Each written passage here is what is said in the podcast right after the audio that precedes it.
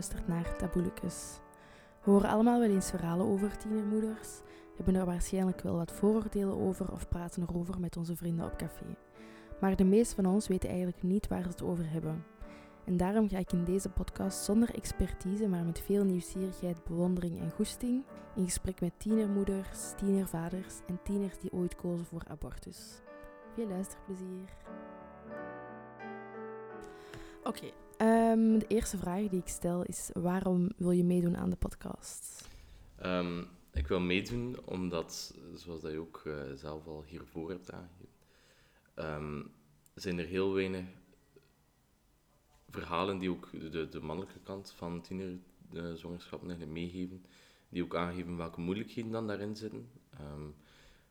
Vooral naar verantwoordelijkheid opnemen is dat niet zo makkelijk ook. Um, wordt ook een beetje scheef bekeken soms. Um, dus ik wil eigenlijk ook gewoon de mannelijke kant van het verhaal meenemen.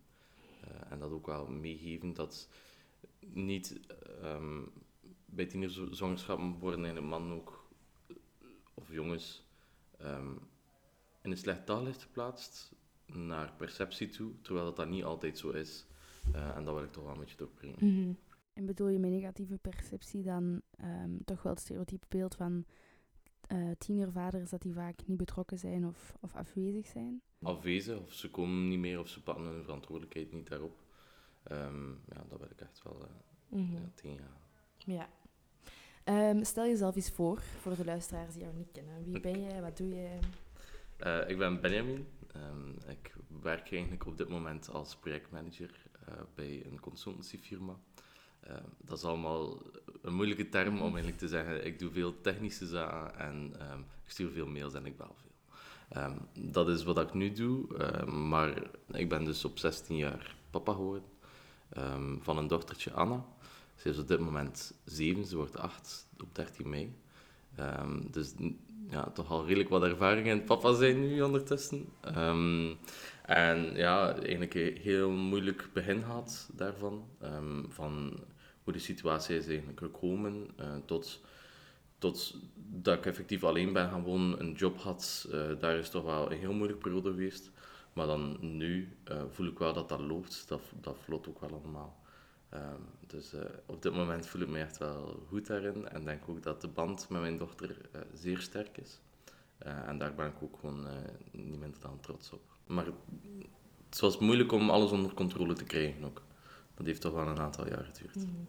Daar zullen we um, uitgebreid op ingaan. Maar vertel eens eerst over de periode van jouw leven voordat je wist dat je vader zou worden. Hoe was jouw, um, hoe was jouw leven, schoolperiode, vrienden, band met jouw ouders?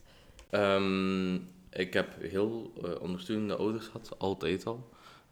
Dus mijn jeugd was wel goed. Ik heb alleen, ja, zoals, zoals dat wel vaker gebeurt, zijn mijn ouders wel gescheiden daarin. Um, die band met mijn echte papa is, was moeilijk, maar niet bepaald een probleem. en dan heb ik eigenlijk een stiefpapa, die echt wel een papa voor mij ook is. ik word ook uh, volgende maand uh, officieel geadopteerd. Uh, dus het is echt een hele goede band dat we hebben. en zeer ondersteunende ouders. Ik heb altijd alle kansen gekregen, zowel naar muziek toe, naar sport toe. Heb ik eigenlijk alles mogen proberen en hebben zij mij nooit eigenlijk iets ontzegd dat niet, ja, dat niet zou bijdragen aan een ontwikkeling van, van iemand. Mm. Dus ik ben ze daar zeer dankbaar voor. Um, en dan ja, eigenlijk op een vrij conservatieve school gezeten. Um, lager niet bepaald, maar middelbaar wel. Um, en daar was alles een beetje chiquer. Uh, ja, daar was dat ook niet oké okay om, uh, om, om tiener, ja, tiener ouder te worden. Um, dus dat was, dat was lastig daarin. En ik had eigenlijk al een... Um, dan, mijn eerste vriendin was ook de mama van, van Anna. En wij hadden ja, een prille relatie, ik had zo zeggen. ja, zoals veel tieners hebben, denk ik. Um, met wat, wat we eigenlijk elkaar nog leren kennen, elkaar nog, nog aanvoelen wat kan, wat kan niet. En we zijn een heel eentje samen geweest, ik denk een tweetal jaar. En dan voelde ik op, ja, naar het einde toe dat dat niet meer zo goed meer zat. Um, dat vlotte ook niet meer, we waren ook niet 100% meer voor elkaar, denk ik. Of we waren wel nog samen, maar er was geen oog altijd voor elkaar. Ehm, en dan uh, plotseling was Anna daar. Dus uh, dat was een beetje moeilijk, want het ging eigenlijk al niet zo goed. En dan is Anna daar. Uh, maar dat is eigenlijk hoe dat voordat Anna, Anna er was. Ja. Je zei daar net met muziek. Ik ben benieuwd, wat, wat is jouw relatie tot muziek? Oké. Okay, um, ehm, ik speel in eerste instantie viool. Um, dat speel ik nu al van mijn zes jaar. Dus denk ik al een 18 jaar. Ja. Um, dan gitaar ook, een beetje. Uh, een beetje probeersels en een beetje piano. Um, muziek is voor mij uh, zeer sterk geweest daarin. Waarom? Omdat muziek voor mij echt wel mijn uitlaat, uitlaatklep was. Ook in de periode dat het moeilijk is, greep ik terug naar muziek om mijn hoofd op nul te zetten. Om alle gedachten te kunnen wegplaatsen en dan die muziek daar in de plaats te zetten. Om toch iets te hebben om naar terug te grijpen. En om ja, uw, uw gedachtegang te, te resetten. En dat is ook nodig geweest, want anders denk ik dat dat zeer moeilijk zou geweest zijn. Mhm. Ehm, daarvoor heb ik ook um, veel kampjes gedaan um, met muziek, met mensen die, die ik ook heb leren kennen in muziek. en ja, dat heeft mij er echt wel doorgeholpen. Heeft mij een hele grote vriendengroep laten opbouwen, maar heeft mij ook geleerd om sociaal te zijn. Uh, ik was hiervoor helemaal niet sociaal. Ook, uh, ja, dat was zeer moeilijk voor mij om, om contacten te leggen. Um, en muziek heeft mij daar echt wel uh, toe bijgeholpen. Ja, en maak jij ook zelf muziek?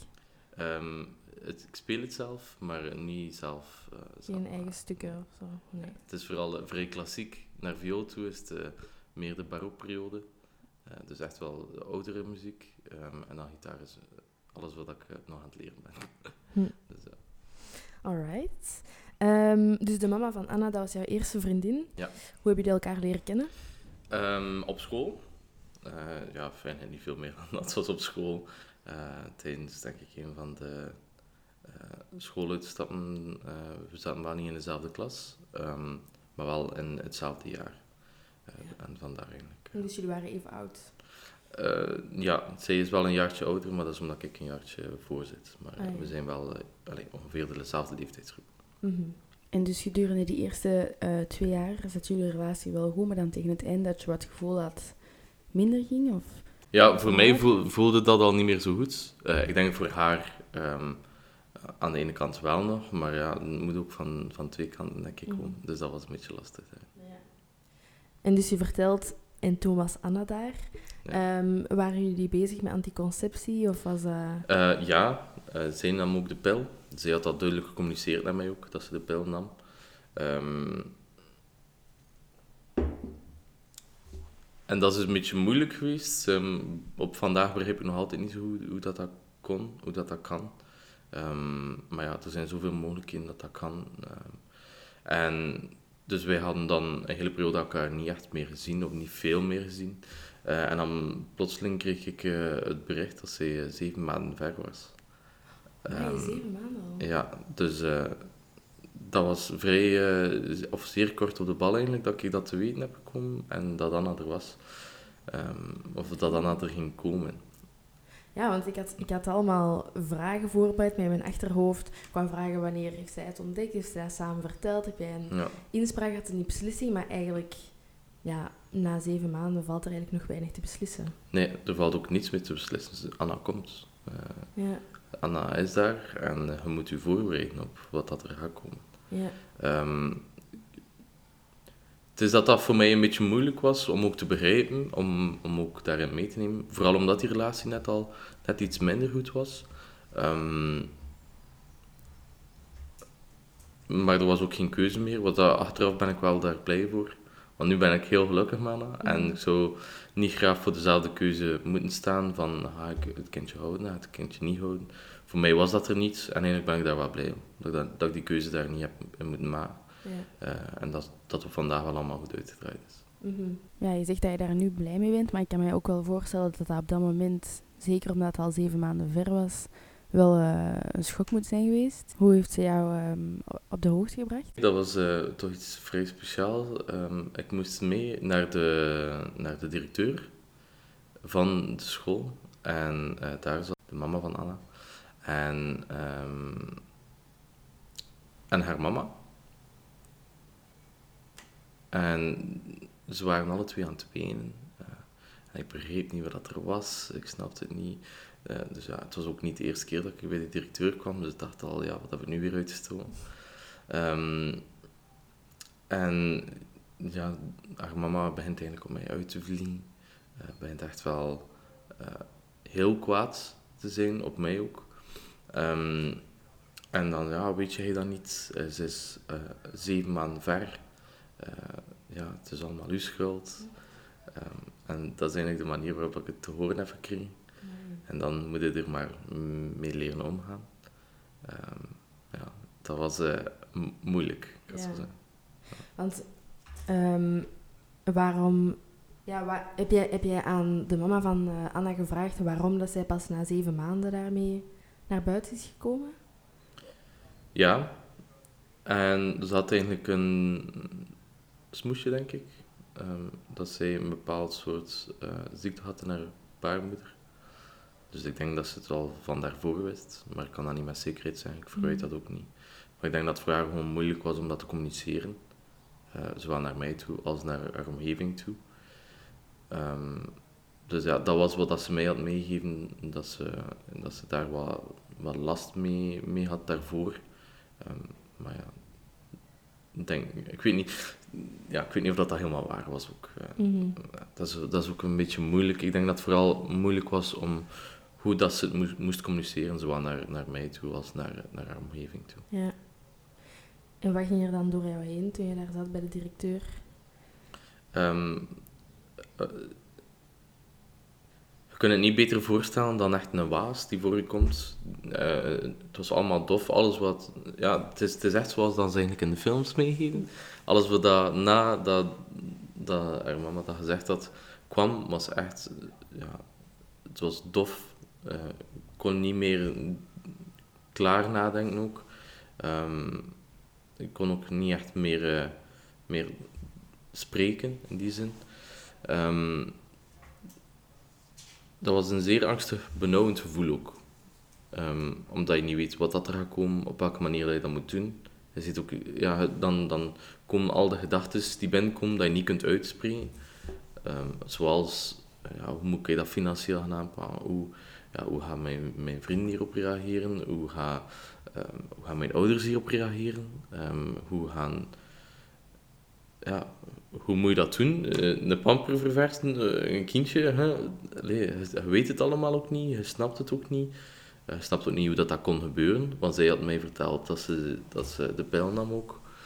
Um, en dan het feit al dat al niet zo goed loopt, de relatie, dat is allemaal... Uh, ja, zeer moeilijk en uh, het was dof. Uh, heel, ik herinner het nog zeer duidelijk, maar ik herinner niet meer wat er gezegd is uh, allemaal. Ik herinner het mm. gevoel wel Ja.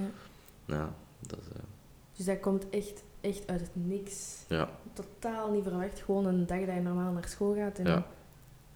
ja.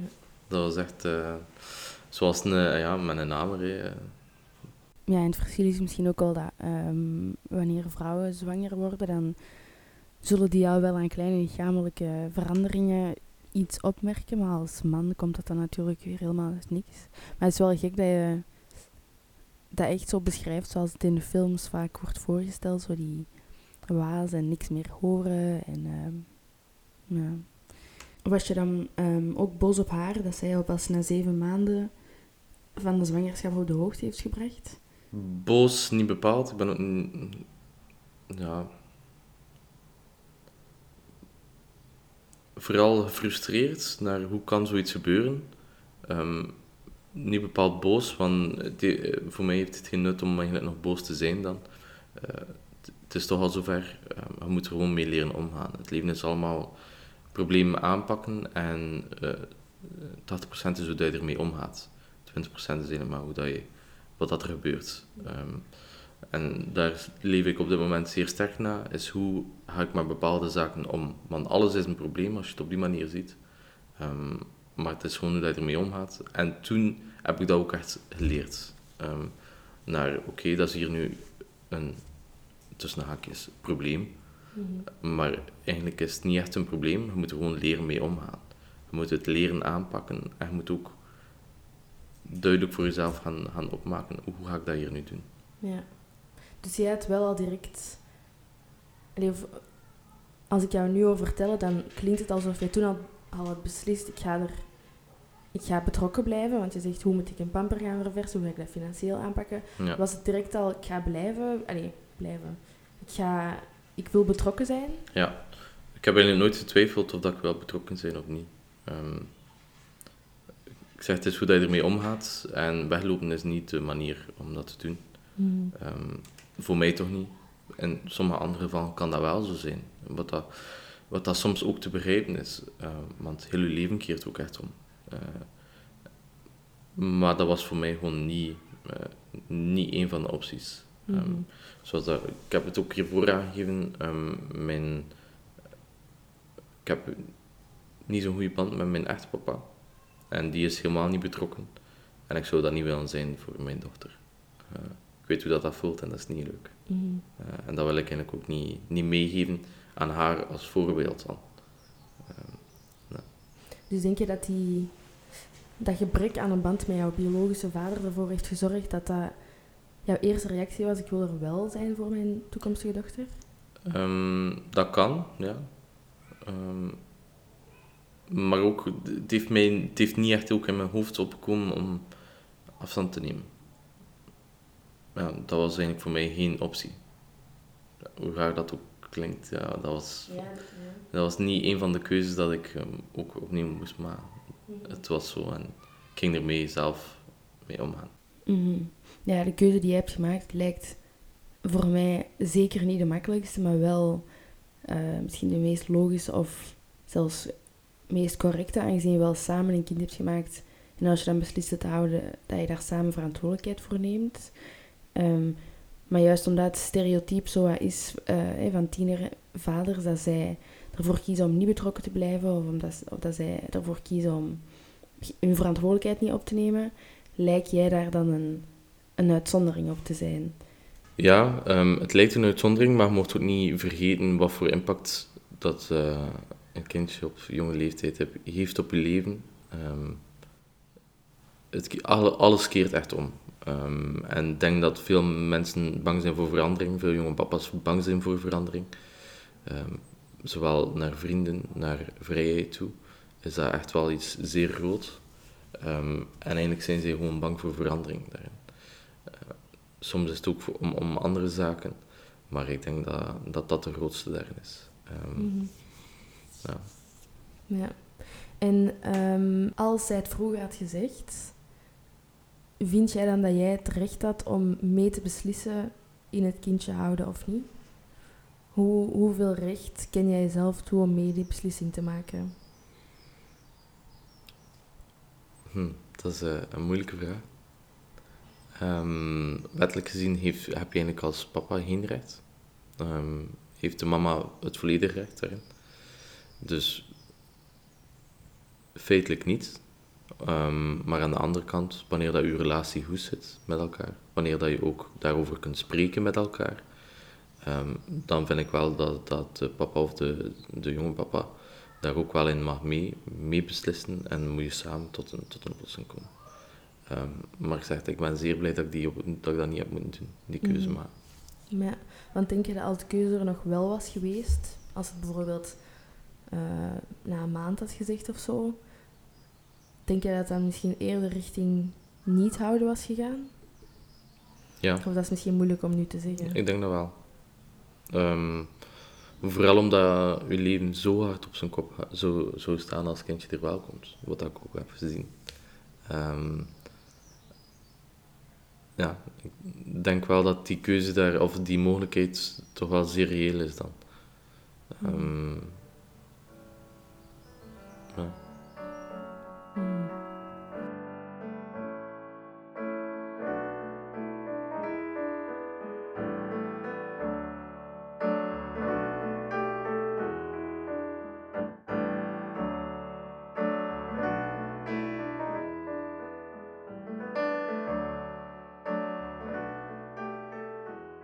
De mama van de mama van Anne, eh, haar reactie naar jou toe was heel verwijtend of ze was heel boos op jou. Ehm, begrijp jij Of, vind, vind je de manier waarop zij reageerde terecht? Of begrijp je haar reactie naar jou toe? Ja, natuurlijk. Ook haar leven staat op zijn kop. Ehm, ook haar visie van wat haar dochter zou doen naar de toekomst eh, wordt helemaal aangepast door dat gesprek. Zij, zij had dezelfde manier, eh, het werd op dezelfde manier gecommuniceerd naar haar als naar mij toe. Zij wist ook van iets. Zij wist het ook pas na zeven maanden. Ja, ook op datzelfde moment. Dus ehm, het is ook hoe dat zij ermee omgaan is om die frustratie te gaan uiten, wat dat oké is. Ehm, maar ja, het was niet zo aangenaam. Nu kan ik begrip opbrengen voor haar. Hm. Toen was dat er niet.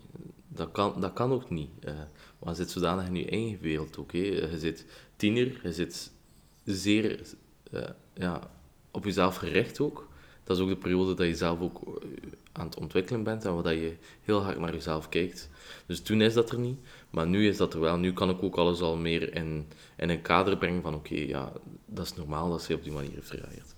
Maar toen eh, was dat zeer moeilijk ook om mee om te gaan, want ook zij heeft mij dan ook niet verder geholpen in hetzelfde probleem als dat ze heeft. Eh, dus het is niet dat je daar dan samen door kunt als het op die manier gebeurt. Eh, maar nu kan ik dat wel veel beter plaatsen dan toen. Ja.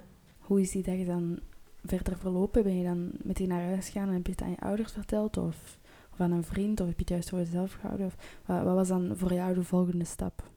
Eh, die dag heb ik eh, niet veel meer uitgestoken. dat was eh, eh, naar huis en eh, ja, deur op slot en alles weg. Ehm, maar de, ik denk de week daarna ben ik terug naar school gegaan. En heb ik eigenlijk voor mijn klas, want dat waren de mensen waar dat ik voor mijn klas en mijn vriendengroep, heb ik ze samengeroepen.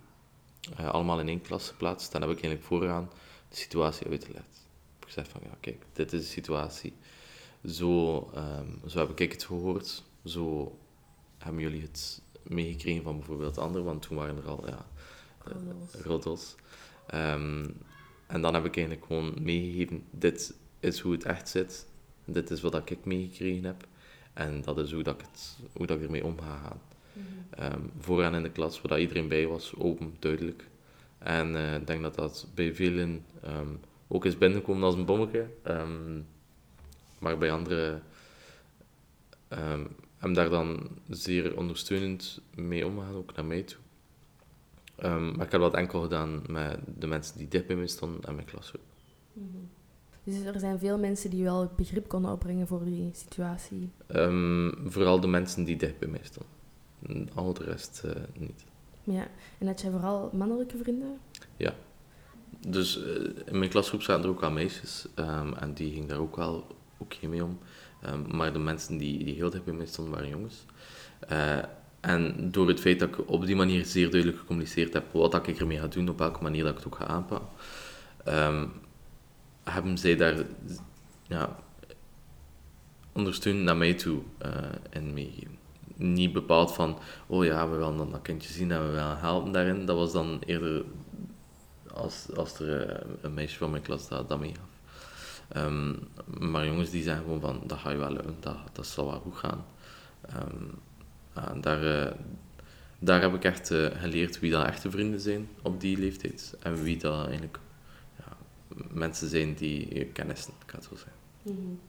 En die, die kennissen onderscheid je die dan doordat zij gewoon niet meer tegen jou praten? Of zijn het de mensen die veel achter jouw rug praten? Of de... Eh, ja, je leert zeer sterk, ehm, zeer snel ook weten wie dat jouw vrienden zijn. Ehm, zoals hij aangeeft, door achter de rug te praten. Door niet, ehm, ja, niet duidelijk te zijn naar mij toe. Of als er vragen zijn, vraag dan aan mij. Je moet het niet gaan vragen aan iemand anders. Als je weet wie dat ik ben, je weet waar dat ik ben, en je kunt mij ook daarover aanspreken. Spreek mij dan daarover aan en ik ga je een duidelijk antwoord geven. Maar dat wordt niet altijd ook gedaan. En dan wordt dat door mij niet uit dank aangenomen.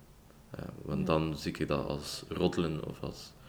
Ja, vraag het ook gewoon. Eh, ik zou daar geen probleem mee hebben. Maar ehm, het, ja, de eerste weken dat je, dat je toekomt op de speelplaats of de koer, ehm, zie je echt alle hoofden naar u draaien. Dat is eh, niet, niet aangenaam. Nee. Nee, dat was moeilijk. Ja. Dus echt iedereen op school wist dat jij diegene was die een kindje... Ja, ja. Ehm, ik had school waar dat, dat ook nog nooit, of praktisch nooit, was gebeurd. Toch zeker niet in de laatste tien jaar. Ehm, dus dat was echt een uitzondering. En eh, iedereen wist wie ik was, hoe- hoe ik eruit zag. En ehm, het is maar een stom voorbeeld hoor, maar sommige mensen zijn zodanig absurd. En die week heb ik, eh, denk ik, 200 Facebook-vriendschapsvoorstellen gehad. En Gewoon omdat jij diegene was die een kindje ging krijgen. Ja. Of de, die een tienervader ging Ja. worden. in een school van 2000 man, waar dat, dat in 10 jaar nog niet was gebeurd. Ja, hoe voel je dat? Niet aangenaam. Nee. Nee, vooral niet... ehm, ja, omdat ze niet communiceren naar mij toe. Het, er wordt geroddeld achter uur. rug. En ik ben iemand die ook altijd in te zegt dat zijn. Als ik iets ah, leuk vind of niet leuk vind. Ehm, en dat gaf heel veel frustratie. Dus dat de mensen zien achter je rug praten, ook gewoon zien hoven draaien of zien wijzen, is... eh, eh, ja, Ja, het is, het is echt zo expliciet geweest met wijzen en ja. echt zo, ah, zo'n attractie precies. Ja. Vooral vanuit dan de mensen aan wie dat ik niet gecommuniceerd heb direct. hè. Maar ik kan dat ook niet doen voor de hele school. Nee, natuurlijk niet. Ehm, ja. Hm. En eh, voel- voelt dat dan ook zo, ah, voel je daarin alleen, eenzaam? Of voelde je je wel genoeg gesteund door, door jouw dichte vriendengroep? Eh, ik heb heel veel steun gehad van mijn dichte vriendengroep, maar zij kunnen niet alles meenemen. Zij kunnen ook niet eh, dat laten weggaan. Ehm, ja, je kunt je ook niet gaan verstoppen. Dus eh, ja, aan de ene kant had ik heel veel steun, maar aan de andere kant ook ja, te weinig, omdat het gewoon niet mogelijk is ook voor hen om al die steun daarin te geven, of om, om alle moeilijkheden daar weg te halen. Wat dat ook, ja, dat kan ook niet. hè. Nee. Ehm, je vertelde daarnet dat je dan eh, een week bent thuisgebleven, naar school bent gaan en hebt verteld aan iedereen, oké, ik ga het zo doen. Wat is dan de beslissing die je hebt gemaakt in die week? Wat heb je, want het klinkt aan alsof je echt een plan had toen je terug naar school kwam. Is dat zo? Of, eh, Eh, nee, Eh, ik had mijn plan was op dat moment enkel op welke manier dat ik ging meegeven aan mijn dichte vriendengroep. Omdat ik wist dat zij daar zeer sterk in ging betrokken worden. Ook in de volgende maand ja, gingen zij ook zien ja, dat dat kindje er ging komen. Eh, dus ja. Ehm, jouw ouders, hoe heb je die dan op de hoogte gebracht van, van het nieuws na het gesprek bij de directeur? Eh, de directeur heeft eh, mijn, mijn moeder zelf gebeld. ah, oké. Dat was... eh, ja, zij wist ook van niets, dus ja, voor haar was dat ook eh, een shock. Dus je hebt eigenlijk niet de kans gekregen om het zelf te vertellen. Nee. Maar toen ging dat ook niet gelukt zijn. Eh, op dat moment ging dat niet gelukt zijn. En ik was eh zodanig van de kaart ook dat... Ja, er kwam ook niet echt meer iets uit. Dus, Mhm. En hoe hebben jouw ouders daarop gereageerd, dat nieuws?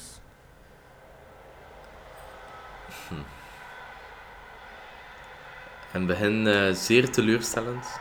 Echt zeer teleurstellend. Ehm,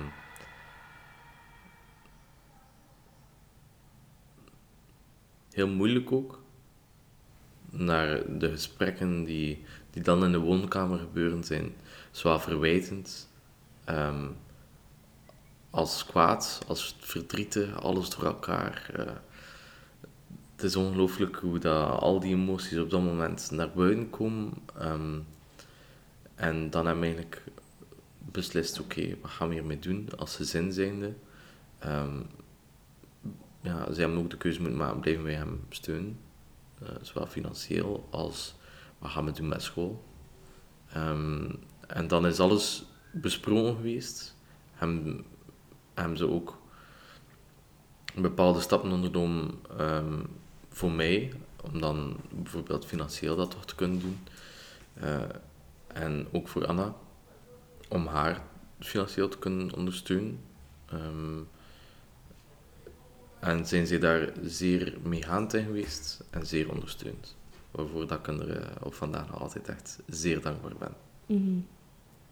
Dus het is eigenlijk een beetje zo geëvolueerd van heel teleurgesteld, verdrietig, boos, naar wel een heel ehm, ja, meer positieve houding. Ja, en ook een zeer ondersteunende houding aan mij. Mm. ja, ik denk dat ik uh, moet dankbaar zijn met zulke ouders. Want dat gebeurt zeker in niet alle gevallen zo. Mhm. Wat dat de situatie nog moeilijker maakt. Maar bij mij was het dan net iets makkelijker omdat die steun er wel was. Ja. Maar wat ik nu zo hoor, want zowel de moeder van verwijt jou iets, zowel jouw ouders verwijten jou iets. Terwijl jullie zijn met twee en jij wist ook niet dat zij, of ja, jij dacht dat zij de pil nam, dus je dacht het is allemaal oké. Mhm. Dus eigenlijk die verwijtende houding naar jou toe is misschien niet terecht geweest. Um, nee, want ze zit altijd met twee. Wat dat, wat dat dan ook daarna, na de gesprek met mijn ouders, is dat ook wel naar boven gekomen van, ja, oké, jullie zijn met twee geweest, het is ook met twee ja, dat, dat jullie een kindje hebben gemaakt. Um, dus dan hebben zij dat wel kunnen, kunnen plaatsen daarin. Um, maar het heeft langs uh, de mama's kant wel nog een tijdje geduurd. Uh, zelf, ik zou zeggen dat uh, ja, zelf tot ongeveer twee jaar geleden heeft geduurd dat, dat echt dat die frustratie er was. Um, Naar mij toe dan. En van, van waar denk je dat die frustratie komt? Ik denk vooral eerst beschermend naar hun dochter toe. Um, en dan... Je bedoelt de ouders van... Ja. Um, en dan naar mij toe... Uh, ja, naar onbegrip. Hun leven is ook echt omgedraaid. Dus...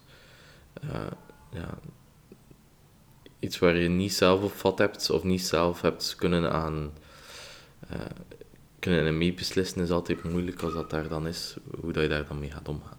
Dus ik denk dat dat het vooral is geweest. Mhm. En had jij zelf ook het gevoel dat er veel uh, plannen of dromen voor de toekomst in het water vielen? Ja, sowieso. Um, je bent beperkt, want je hebt eh, iets om altijd mee rekening te houden. Ehm,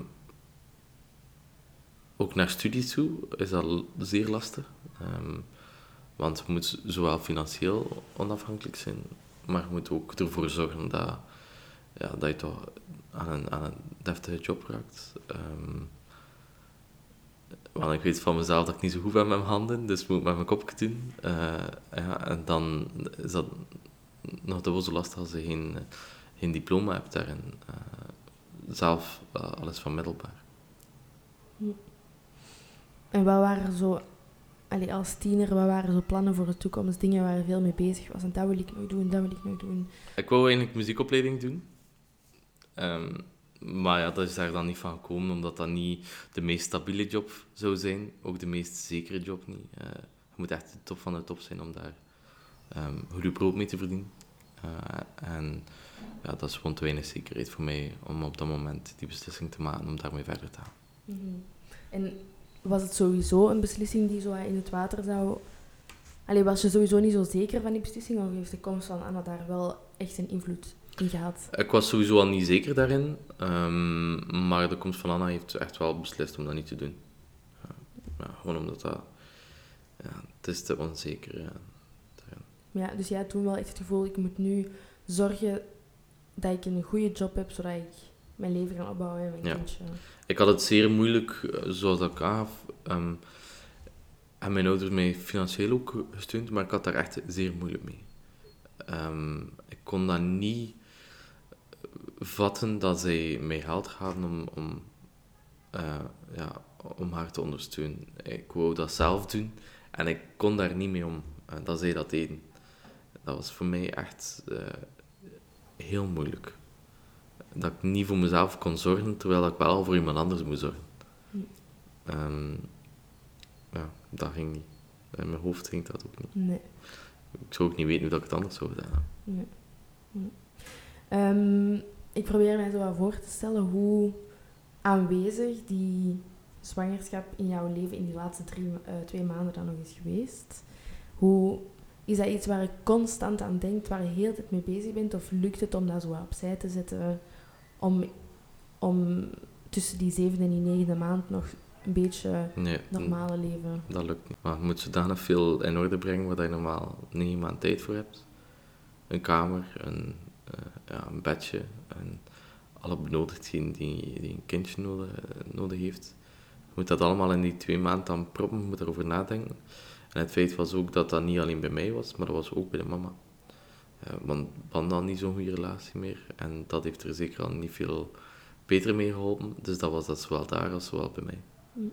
Eh, Dus dat beheerste echt jouw gedachten, jouw dagelijkse leven. Ja. Stond volledig in het teken van de komst van Anna.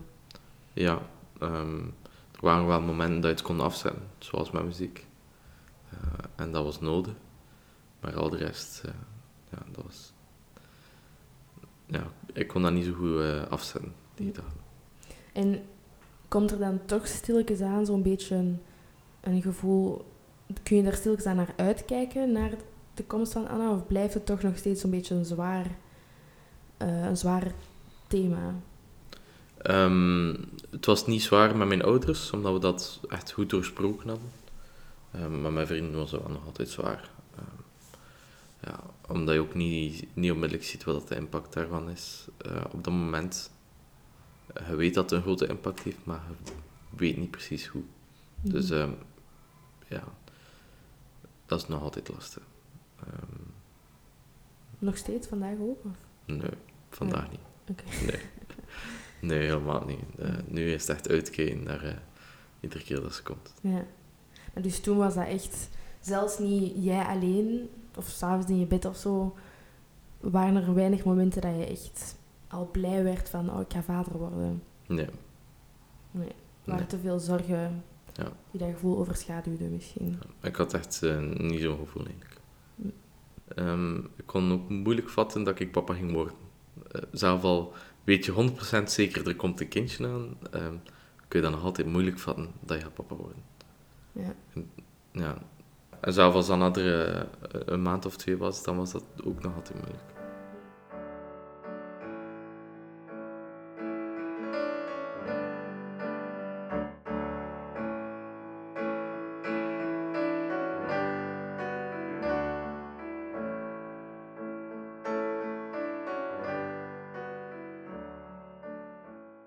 Tot zes maanden na dat Anna eh, geboren was, eh, zijn we wel nog samen geweest. Ehm, maar dan hebben we beslist om eigenlijk uit elkaar te gaan. Omdat dat niet ging. De relatie was ervoor al niet goed. niet goed. Dus voor mij was het echt afgerond. Ik kon daar niet mee om eh, met een toxische omgeving. Eh, dat gaat niet. Ehm, en er was dus niets afgesproken, want alles was bij de mama. De mama heeft daar ook ingeschreven. Eh ze heeft ook mij geen kans gegeven om eh, ehm, Anna te gaan eh, benoemen, of Anna te gaan, als, allee, mezelf als vader te gaan aangeven, zo gezegd, erkennen. Dus dat was allemaal al gedaan door haar vader eigenlijk. Ehm, en dus ik had, nadat wij uit elkaar waren, na die zes maanden, nadat Anna geboren was, niets.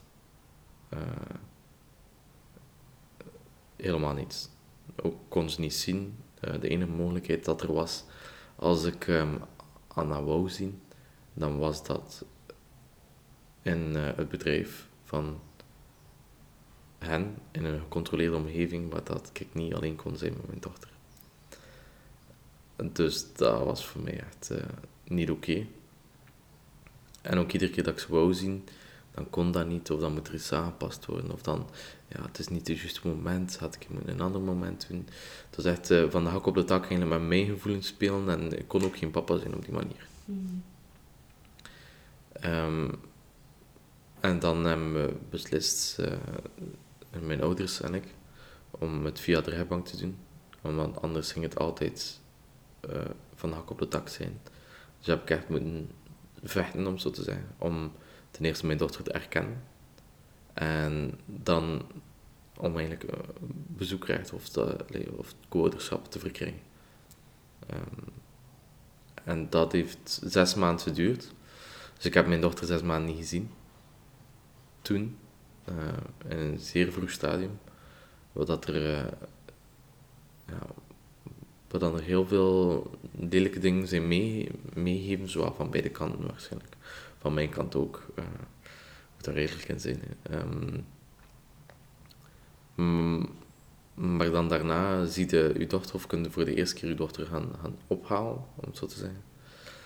En kent ze u niet. Hè. Um, ja, het is, het is echt van niets. Uh, maar het ze zes maanden niet gezien. Van niets dat ze zei uit een situatie getrokken wordt die voor haar uh, zeer vertrouwd is, voor Anna dan.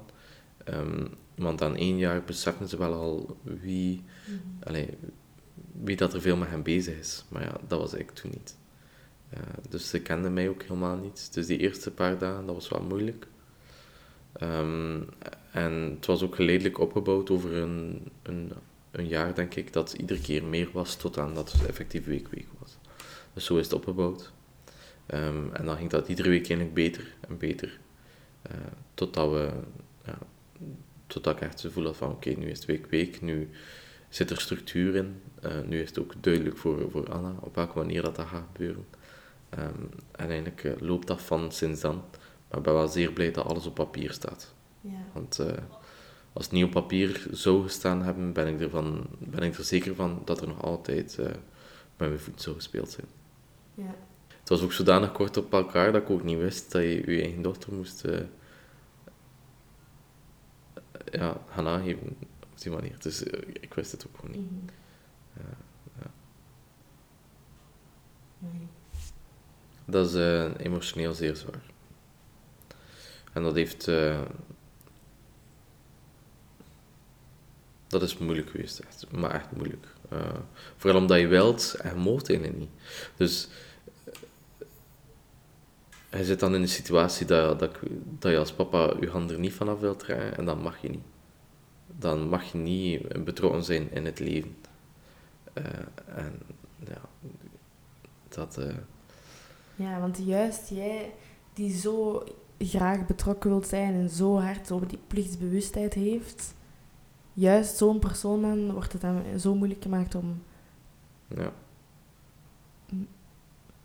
En opnieuw was dat denk ik frustratie van de andere kant. Uh, dan ja, dat nog altijd mijn schuld was, hè, dat dan adres was. Uh, dat zij dat daardoor moeilijk hebben gemaakt. Uh, dat zijn vermoedens, ik kan dat niet. Allee, ik weet dat niet. Hè. Ik ga dat ook niet opnieuw boven gaan halen nu. Mm -hmm. Maar het was echt wel een heel makkelijk periode toen. Nee. En dus vanaf welke leeftijd heb je haar week om week gekregen? Um, dus vanaf uh, een jaar is ze opnieuw voor de eerste keer bij mij gekomen. En dan heeft, dat is zo'n overgangsperiode van iedere keer meer zien.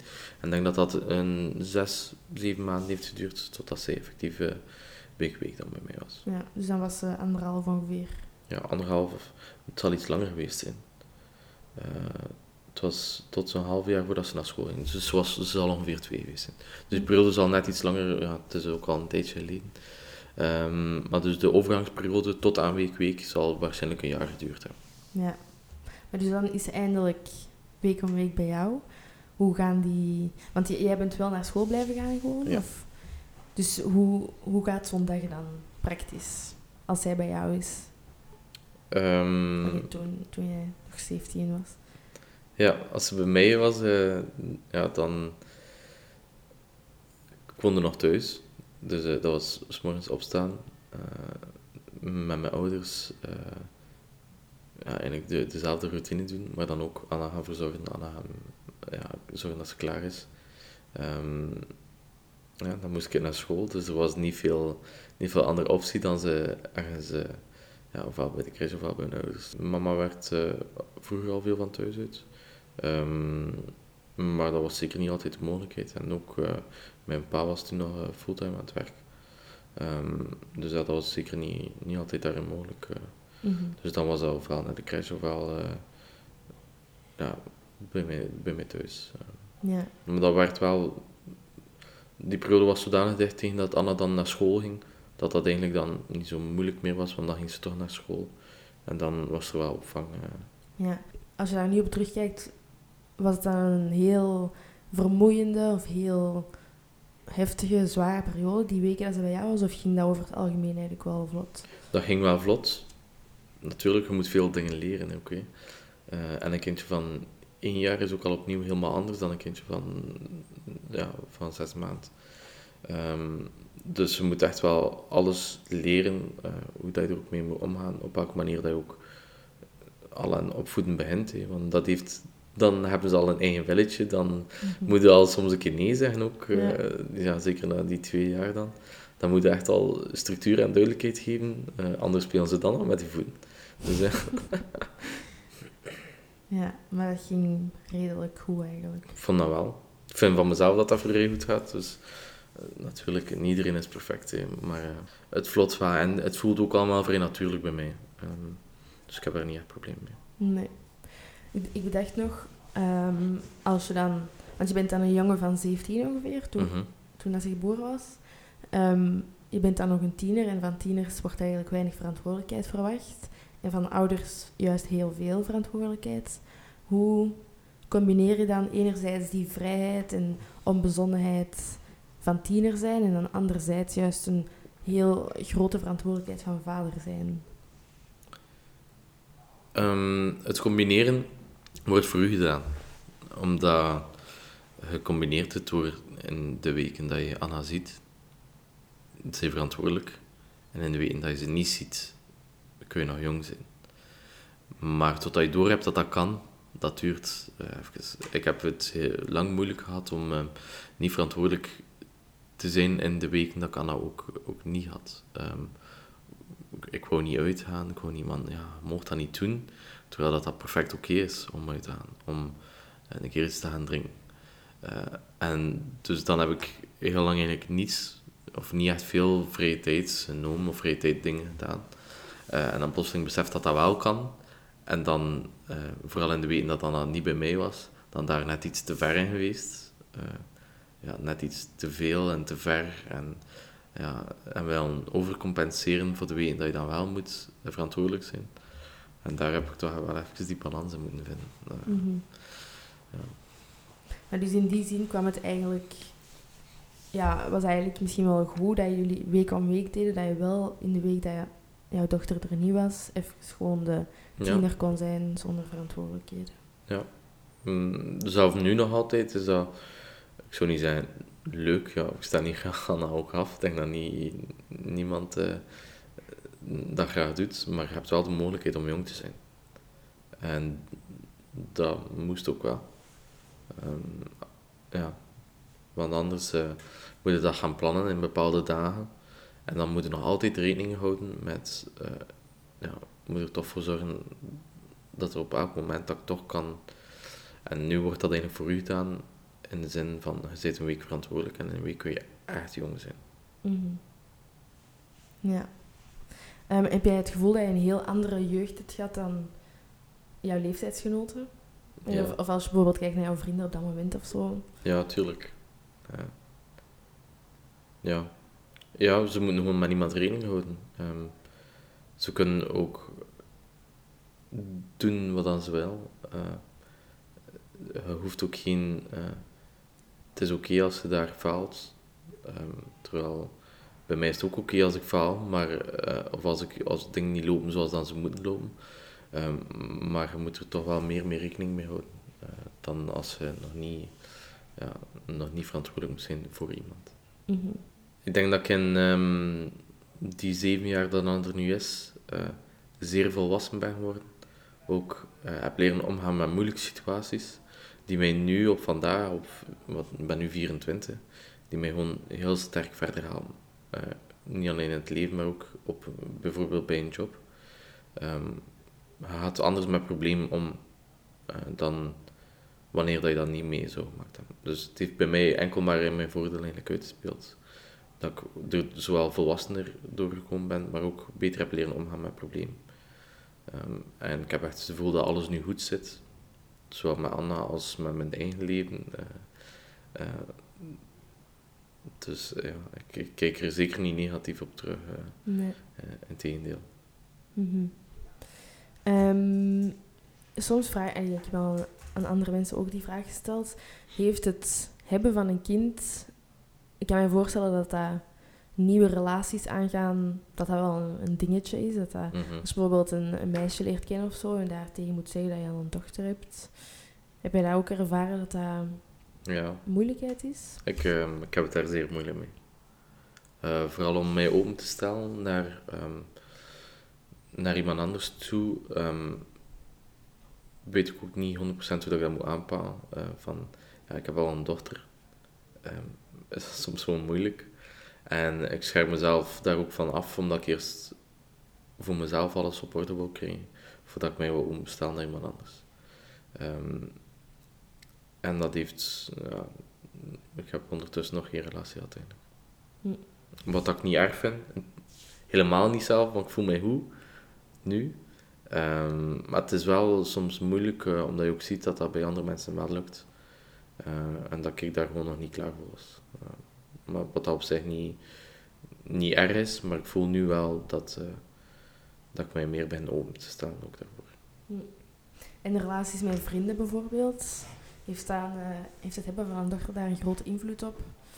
Ehm, nee, omdat ik in het begin heel duidelijk heb gecommuniceerd in die weken ehm, ga ik papa zijn. En in de weken dat ik het niet heb, eh, gaan we jong zijn. En dan weten zij dat ook, eh, als ze iets vragen, dan kan ik zeggen, ja, ik heb Anna of ik heb Anna niet. En dan moeten ze ermee omgaan. Ja, Ja, heel simpel eigenlijk, Ja. zoals je het nu zegt. ja, Ja.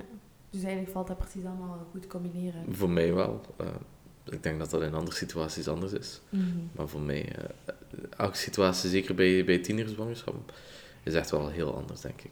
Ja. Ehm, ik wou nog vragen, wat zijn zo de moeilijkste momenten geweest als je nu terugkijkt? Of wat zijn vandaag nog de moeilijke momenten met Anna of rond de hele... Ik heb geen moeilijk moment meer op vandaag, omdat ik alles in controle heb. Ehm, maar de moeilijke momenten die er zijn geweest, zijn ja, het horen dat je papa wordt, de manier waarop dat gecommuniceerd wordt, de periode daarna en ehm, vooral dat je je eigen dochter niet mocht zien. Dat was echt eh, pijnlijk. Mhm. Mm. Ja. En wat zijn de mooiste momenten of de leukste momenten? Ehm, de leukste momenten, eh, elke vrijdag eigenlijk. Wij doen een filmavond hier. Ik heb hier een beamer staan en het helpt de muur. Mhm. En dan eh, met een box superluid kijken we naar een of andere Disney-film. Dan achteraf is er eh, een muziekje en dan wordt er een dansje gedaan. Dus ja, dat zijn echt wel de, de hele leuke momenten. En ik, heb echt een goede band, voel ik zelf. We zijn open tegen elkaar.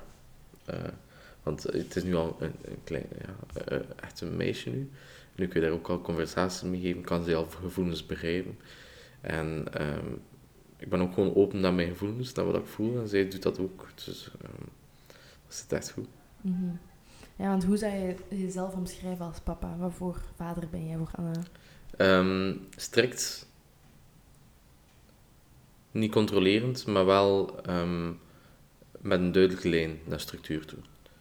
Eh, ik vind het belangrijk dat er bepaalde dingen aangehaald worden om structuur in uw dag te creëren, maar ook structuur in haar leven te gaan creëren. Ehm, en eh, soms iets te streng, denk ik. Ehm, maar dan geef ik dat ook aan, aan haar van kijk, ja, daar ben ik te streng geweest. Dat was niet oké van mij.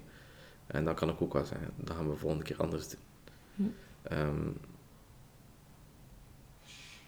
maar wel open en ze mag ook alles tegen mij vertellen. Er wordt ook nooit iets kwalijk genomen. Ehm, als ze iets uitgestoten heeft, dan heeft ze iets uitgestoten. Ja, dan moet je er maar leren omgaan, mee, mee omgaan. Hè. Dat is ook hoe dat ik het heb moeten doen. Mhm. Dus eh, dat is wel allemaal oké. Ehm, en denk, open communicatie is zeer belangrijk bij mij. Ja. En dat kan nu nog. Ik weet niet, eh, als ze tiener gaan worden, eh, dat zal misschien net iets anders zijn, maar nu kan dat nog. Dus eh daar gaan we daar nu nog van genieten. Ja. Ja, dat is leuk om te zien als jij over haar praat, eh, helemaal blij wordt. En, Mhm. Ja, ja als, als jij nu, als 24-jarige Benjamin, eh jouw jongeren zelf advies zou kunnen geven, wat zou je dan zeggen? Het komt allemaal goed. Gewoon je gevoel volgen. Volgen wat dat je denkt dat voor u het beste is op dat moment. En dan komt dat goed. Leer er gewoon mee omgaan. Leer, leer het probleem aan te pakken. Leer ook die probleem gewoon niet van weg te lopen en communiceer daarover. Eh, ja, het is echt hoe dat je met een issue omgaat, dat, dat maakt of dat, of dat slaagt of niet. Die issues komen er altijd. Dat is ook als je niet uh, tiener ouder bent. Dan ga je ook problemen tegenkomen. Het is enkel hoe dat je ermee omgaat, dat je gaat verder gaan ermee. Mm. Ja, het ziet er echt naar uit alsof jullie, jullie leven echt mooi hebben ontplooid tot nu toe. Hè? Ja, ik vind dat ook wel. Ehm, ja, en alles, alles loopt echt, dus ik heb eigenlijk geen issues. Nee, dat is ook wel iets om trots op te zijn, toch? Ja, zeker. Maar het duurt wel lang tegen dat je daar raakt. Mm. Tegen dat je echt het gevoel hebt van ik heb alles in controle. Um, en ik kan me inbeelden dat dat uh, in andere situaties nog moeilijker is. Zeker als je geen steun krijgt van je ouders. Uh, wat dat bij mij wel het geval was. Mm -hmm. um, nou. Ja, ik zat te denken, ik denk dat ik vooral ook zo uh, aangenaam verrast ben of zo, omdat ik wel wat, zelf ook wel wat vooroordelen had over tienervaders. Dus ik denk ook dat dat leuk gaat zijn voor luisteraars om, om dit verhaal te horen. Ik hoor dat ook. Um, heb je nog een boodschap voor de mensen die gaan luisteren? Ja, oordeel niet over een situatie dat je niet, dat je niet zelf inzit. Iedereen neemt de, een situatie op een andere manier op, gaat er anders mee om en reageert daar ook anders op. Uh, het is niet aan u om daar een oordeel op te vestigen of dan die daar goed op reageren of niet. Je kunt ze wel meegeven wat dat jij zou doen of wat voor advies dat je zou meegeven. Maar het is ook niet aan u om iemand daarover te oordelen. Zij moeten nog altijd zelf de mogelijkheid hebben om ermee om te gaan. Om, om ja, echt uh, zelf te gaan uitvoeren. En niet om die commentaar mee te krijgen, want dat werkt enkel negatief. Mm -hmm. Alright, ik denk dat dat goed is om je af te sluiten. Yes. Dankjewel. Dankjewel.